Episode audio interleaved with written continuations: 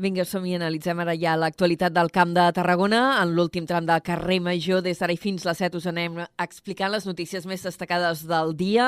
Us acompanyem l'Àlvaro Rodríguez, que està al control tècnic, i l'Adrià Requesens, des de Ràdio Ciutat de Tarragona, i jo mateixa, l'Anna Plaça, des d'Ona la Torre. I comencem explicant que Protecció Civil ja ha instal·lat les dues noves sirenes de risc químic a Reus. Aquestes alarmes donaran cobertura als barris de la zona sud de la ciutat, que són els que estan més a prop de la indústria. Adrià Requesens, bona tarda. Bona tarda. Concretament, les sirenes s'han ubicat en dos espais municipals acordats amb l'Ajuntament reusenc, el Tecnoparc i el Mercat del Camp. La instal·lació d'aquests dispositius s'emmarca en les inversions anunciades pel Departament d'Interior per millorar el desplegament i cobertura del Pla Secta al Pla de Seguretat Exterior de la Química de Tarragona. L'Associació Provincial d'Autoescoles de Tarragona alerta que s'estan eh, tornant a produir llistes d'espera per examinar-se de les pràctiques del carnet de conduir per la falta de treballadors a la Prefectura Provincial de Trànsit. Confien que la situació es comenci a resoldre a principis d'estiu amb l'arribada de més personal. Ha estat en una entrevista aquesta mateixa tarda a Carrer Major on el president de l'Associació d'Autoescoles, Carles Oliver, ha exposat que la plantilla de la prefectura està al 30%. Falten administratius i també examinadors. D'aquests, dos van marxar al gener i altres tres estan fent feina d'oficina. Actualment hi ha gairebé 7.000 alumnes al territori que ja han aprovat la, te la teòrica i s'estan preparant precisament per poder fer la pràctica. Oliver ha explicat que es van acumulant perquè no hi ha prou examinadors per donar resposta resposta a tota la demanda i, per tant, la llista d'espera pot arribar a dos mesos. Confia que a principis d'estiu s'incorporarà més personal i això permetrà corregir en part aquesta situació. I segurament que se la posaran, però igual som el juny i juliol. Clar, tots aquests mesos des de gener, pràcticament, que falten, fins al juny-juliol, que puguin entrar els que reemplacin aquestes dues places, són molts mesos que això es fa que s'acumulin els alumnes sense poder examinar. Eh? El president de l'Associació Provincial d'Autoescoles ha manifestat que la situació és especialment crítica per a la gent que s'ha d'examinar dels permisos professionals com els dels camions. En aquest cas, la Direcció General de Tràfico els ha informat que s'impulsarà un pla de xoc per tal que els examinadors puguin fer hores extra per atendre aquesta demanda des de, de, des de Madrid d'un Jordino, que ara no és extras per poder només fer permisos professionals. Eh? Per les tardes pues, farien els examinadors que volguessin, doncs probablement podrien fer això, no? Uh, traure, traure, començar a traure i examinar permisos professionals perquè hi ha una manca d'ells enorme. Hi ha empreses que tenen feina eh, no, no, poden, no poden utilitzar els camions i tal perquè no hi ha, no hi ha, no hi ha suficients conductors. Aquesta falta de personal a trànsit no és un problema exclusiu de la demarcació de Tarragona, sinó que es dona a totes les demarcacions catalanes i abordem altres qüestions. Un tema d'interès aquests dies és el tema de la sequera. Eh, comencem abordant-lo des del punt de vista més general.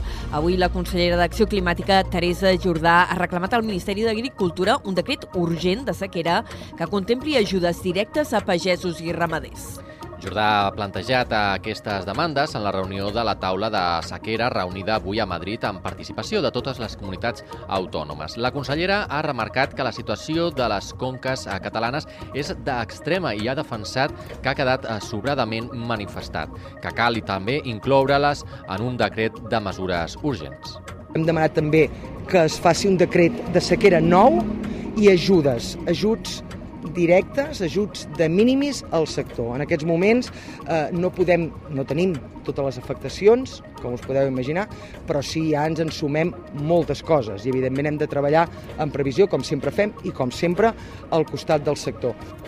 Mentrestant, aquí a Catalunya, el govern té previst aprovar el pla sobre la gestió de l'aigua durant la segona setmana de juny. Ho ha anunciat el conseller de Territori, Juli Fernández, en la sessió de control del govern que s'ha fet aquest matí al Parlament. I d'altra banda, el govern català descarta que l'increment de turisme amb l'estiu pugui causar canvis en la fase de la sequera. D'una banda, perquè l'activitat turística estival ja s'ha tingut en compte i després perquè el sector està compromès amb la situació. És el que ha expressat el director de l'Agència Catalana de l'Aigua, Samuel Rey, i és que avui s'ha reunit amb mig miler de representants del sector turístic. A la reunió també hi ha assistit la directora general de Turisme, la prioritària Marta Domènech. tant, el sector està compromès i té moltes ganes de fer la feina ben feta, tot i que ja fa anys que la fa, i que és una feina que hem de fer en termes col·lectius, tot el sector productiu i també, evidentment, conscienciar el visitant de que s'emporti memòries de Catalunya però que no s'emporti la nostra aigua, però també el ciutadà, no? i tots hem d'estar compromesos per fer aquesta feina. Per tant, doncs avui estem aquí per acompanyar, estar i realment fer la feina com ens toca. D'aquí unes setmanes, a mitjans de maig, l'Agència Catalana de l'Aigua també es reunirà amb el sector industrial per parlar de la sequera i de com fer-hi front. Aquestes són les notícies del dia sobre la crisi de l'aigua a nivell general, però veiem com es trasllada aquesta situació a escala local. Els pagesos que depenen de l'aigua del sistema Siurana Riu de Canyes ja tenen coll avall que aquest estiu no podran regar. Unió de Pagesos torna a demanar a l'ACA que recuperi i impulsi el projecte de, per poder reutilitzar l'aigua de la depuradora de Reus. Des de BXC Ràdio ens ho detalla amb Miquel Llavaria.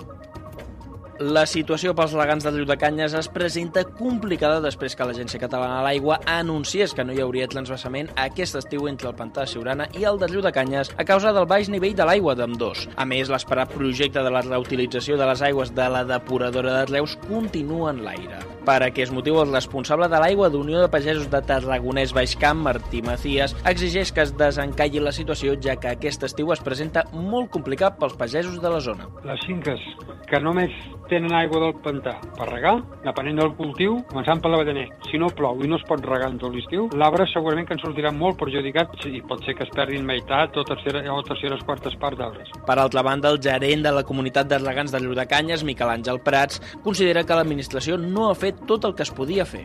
Anem molt tard. Inclús la pròpia administració s'ha esperat a veure si podia i al final doncs, bueno, no ha pogut i passa que passa. Malgrat haver tingut la sequera el 2008, sí que s'han fet coses, però jo crec, això és una opinió personal meva ja, eh? però jo crec que no s'ha fet tot el que es podia fer. Arran d'aquesta situació, el sector de la pagesia es mostra molt preocupat davant la situació d'aquest estiu i el següent si la pluja no arriba o l'administració no hi posa solució. Ens centraven en el Baix Camp, però la Conca, l'Espluga de Francolí, és sens dubte el municipi que està vivint més severament aquest episodi de sequera i, a més, des de fa ja molts mesos. Enguany, el subministrament d'aigua amb camions hi ha costat 300.000 euros a aquest municipi. En una entrevista aquest mateix matí a la xarxa de comunicació local, el seu alcalde ha admès que aquesta situació és insostenible en el temps. Ens informa des de la xarxa la Maite Polo. L'episodi més greu per falta d'aigua l'està patint l'Espluga de Francolí des de l'estiu passat.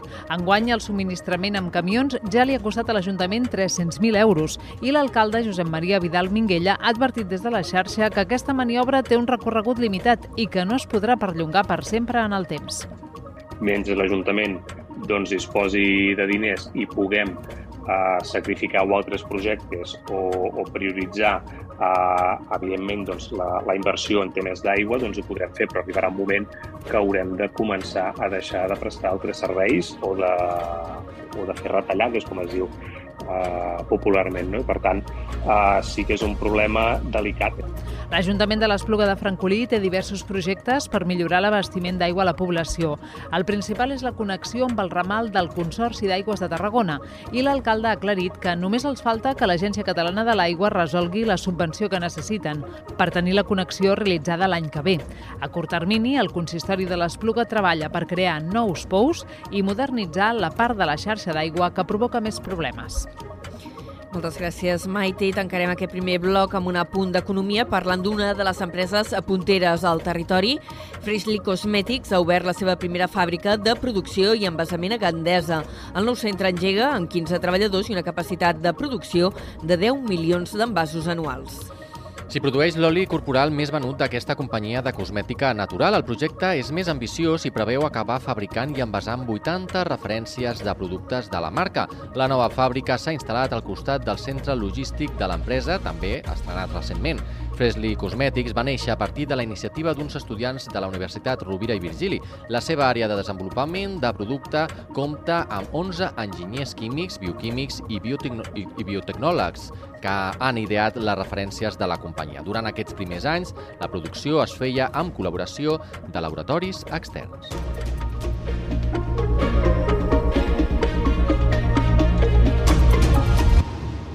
Passen ben bé dos minuts de tres quarts de set, eh, ens endinsem en crònica local, ho fem en primer lloc parlant de política, parlant de prenc-campanya i destacant la incorporació d'un nou actor a les eleccions municipals de Tarragona. Es tracta d'Ara Pacte Local, que avui ha presentat el seu projecte. La cap de llista a Tarragona és Marc Giner, que insisteix que el seu és un projecte municipalista. Des de Ràdio Ciutat de Tarragona té tots els detalls l'Àlvaro Rodríguez. Aquest dimecres s'ha presentat la candidatura d'Ara Pacte Local Tarragona, una formació amb el suport del PDeCAT i Ara Catalunya, però que es presenta com absolutament municipalista i allunyats dels interessos de partit. Al capdavant de la candidatura es troba Marginé, una dona anònima, sense perfil polític clar i especialitzada en la gestió municipal. L'alcaldable presenta la seva candidatura com una alternativa per governar la ciutat amb línies de treball allunyades dels projectes faraònics. Sobre la qüestió nacional, Giné assegura que no és per ells una prioritat ciutat, sinó la representació de Tarragona al país. Giné ha detallat que les persones a la seva llista seran tarragonins independents amb la voluntat de revitalitzar la ciutat. Primer reivindiquem eh, un nou tarragonisme. A més, que, a més de que Tarragona està en el nostre cor i que tenim l'orgull tarragoní, mm, creiem que ara és l'hora de les idees, l'hora de la gent amb força.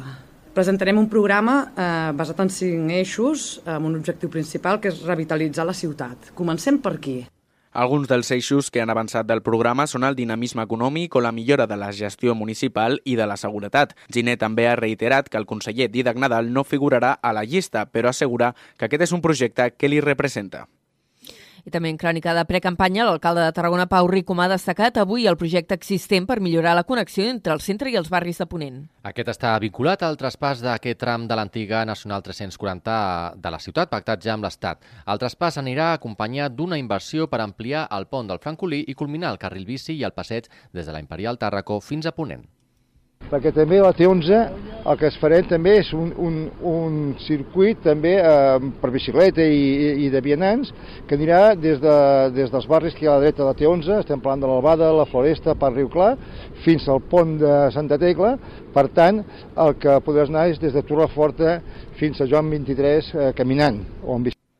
El cap de llista d'Esquerra Republicana a Tarragona també ha manifestat la voluntat d'articular un carril bici i un passeig en paral·lel a la T11 i fins al pont de Santa Tecla.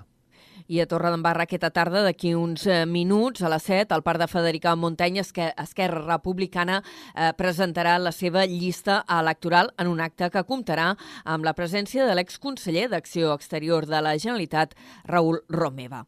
I encara situats a Torredembarra i en crònica municipal, el ple d'aquest dijous abordarà algunes modificacions urbanístiques. Ho farà com a qüestió sobrevinguda, malgrat que són uns canvis que ja s'estan treballant des de fa temps. Des d'on a la torre ens ho amplia en Josep Sánchez. El tinent d'alcaldia d'Urbanisme, Josep Maria Uasc, ha donat el detall de la relació de canvis que es volen fer. Entre aquests destaca una modificació al Parc de les 13 Roses, a tocar de l'Institut Ramon de la Torre, per tal de poder construir allà el nou skatepark. També hi haurà un canvi a la zona verda que hi ha tocada la carretera de la Riera, on es preveu construir el futur CAP. Després també fem una modificació per lo que seria la, els accessos on tenia el futur CAP, ja que estava com a zona verda i el que fem és canviar una zona verda per un vial. I després també fem una modificació del Parc de les 13 Roses, a la Malla 13, al costat de l'institut, on se vol posar l'skate, que perquè es pugui col·locar allí eh, urbanísticament es té que fer una modificació, si no, no, no es podria realitzar. També es farà un petit canvi pel que fa a les piscines en propietats privades i un altre que fa referència a la divisió de les parcel·les del polígon de les Roques Planes i que ja es va tractar en un ple de l'any passat. Des del principal partit de l'oposició, el PSC ja han avançat que donaran suport a aquestes modificacions. Moltes gràcies, Josep. Abordem qüestions d'un altre àmbit completament diferent. El Teatre Bertrina de Reus ha estat avui l'escenari del concurs de monòlegs científics Vols saber què investigo? L'organitza l'àrea de comunicació científica de la Universitat Rovira Virgili i la d'enguany ha estat la desena edició del certamen. A la final, que s'ha fet aquest eh, matí, hi han participat sis investigadors que de forma amena i divertida han explicat els seus projectes de recerca davant de 400 estudiants de secundària. Judit Vives, que investiga el paper de la infermeria de la salut mental, ha estat la guanyadora d'enguany. Per mi, penso que si investigar té una raó de ser és que ha de revertir en millores en, en la societat en aquesta societat en la qual vivim. Per tant, també penso que és important poder divulgar, és a dir, poder donar a conèixer la investigació que s'està duent a terme en la universitat a un públic general i en concret en estudiants de batxillerat crec que és molt interessant perquè d'aquí dos dies estaran a la universitat i se'ls hi, obre, se'ls hi comencen a obrir les portes, no? comencen a fer el camí en el seu futur professional i, per què no, potser un futur investigador. Per arribar al bar Trina, els sis monologuistes han estat acompanyats d'experts en comunicació fent assajos on han treballat qüestions com el discurs, la posada en escena o el llenguatge no verbal. Tornem a notícies d'àmbit local. Vandellós i l'Hospitalet de l'Infant renova el conveni de col·laboració amb el Nàutic Parc Estació Nàutica Costa Daurada i Terres de l'Ebre. L'acord estableix diverses accions de promoció i comercialització de les activitats nàutiques en l'àmbit nacional i internacional. Des de Ràdio L'Hospitalet ens ho amplia la Iris Rodríguez.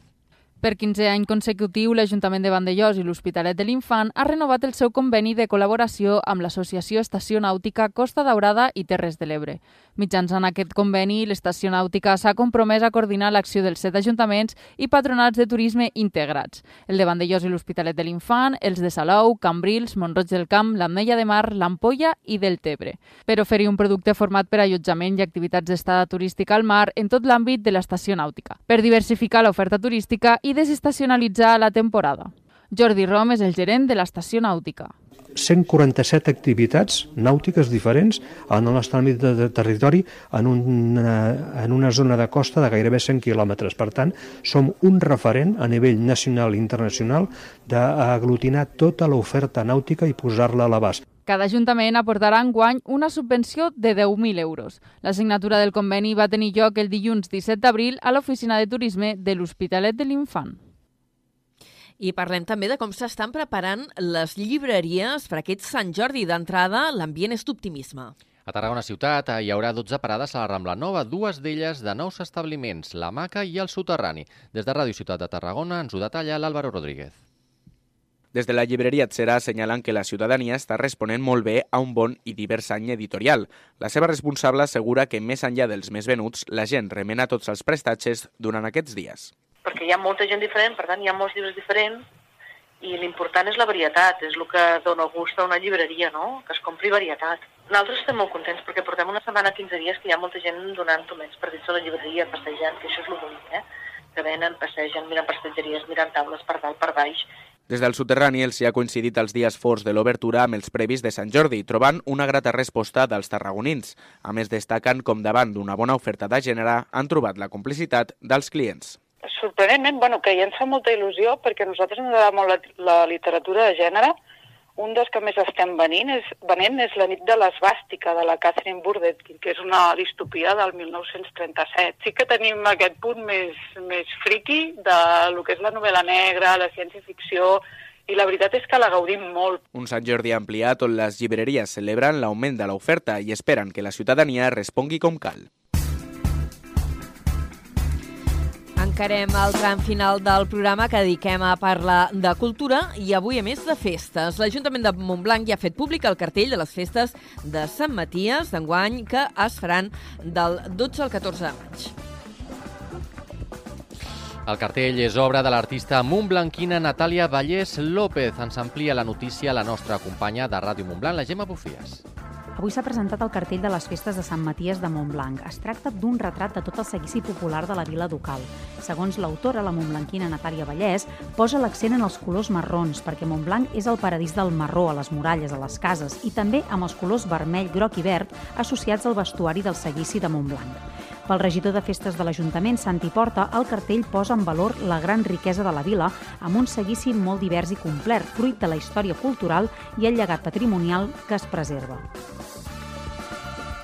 Moltes gràcies i d'altra banda eh, també us hem d'explicar en plana cultural, destacar breument dos espectacles. D'una banda, el ballarí Marc Jovet és el protagonista del nou espectacle del cicle Paradigmes a Reus. L'espectacle, titulat Búnquer Introspectiv, es podrà veure aquest dijous i divendres al vespre a Calmassó. La proposta parteix del qüestionament sobre l'existència i el lloc que ocupa l'ésser humà en l'univers. Les entrades valen 4 euros i es podran comprar a www.museudereus.cat. I encara una altra recomanació que ens arriba aquesta setmana a Reus, concretament demà dijous, es representarà Soroma, un espectacle poètico-musical a partir de l'obra de Xavier Amorós. El muntatge està dirigit per Francesc Serro i protagonitzat per Alba Aluja, amb l'acompanyament d'altres actors del territori. La representació es farà a dos quarts de nou del vespre al Fortuny. Un acte, per cert, que s'emmarca en l'any amorós. Tanquem així aquest programa d'avui de Carrer Major, l'edició informativa també, i tornem demà a les 4. Adéu.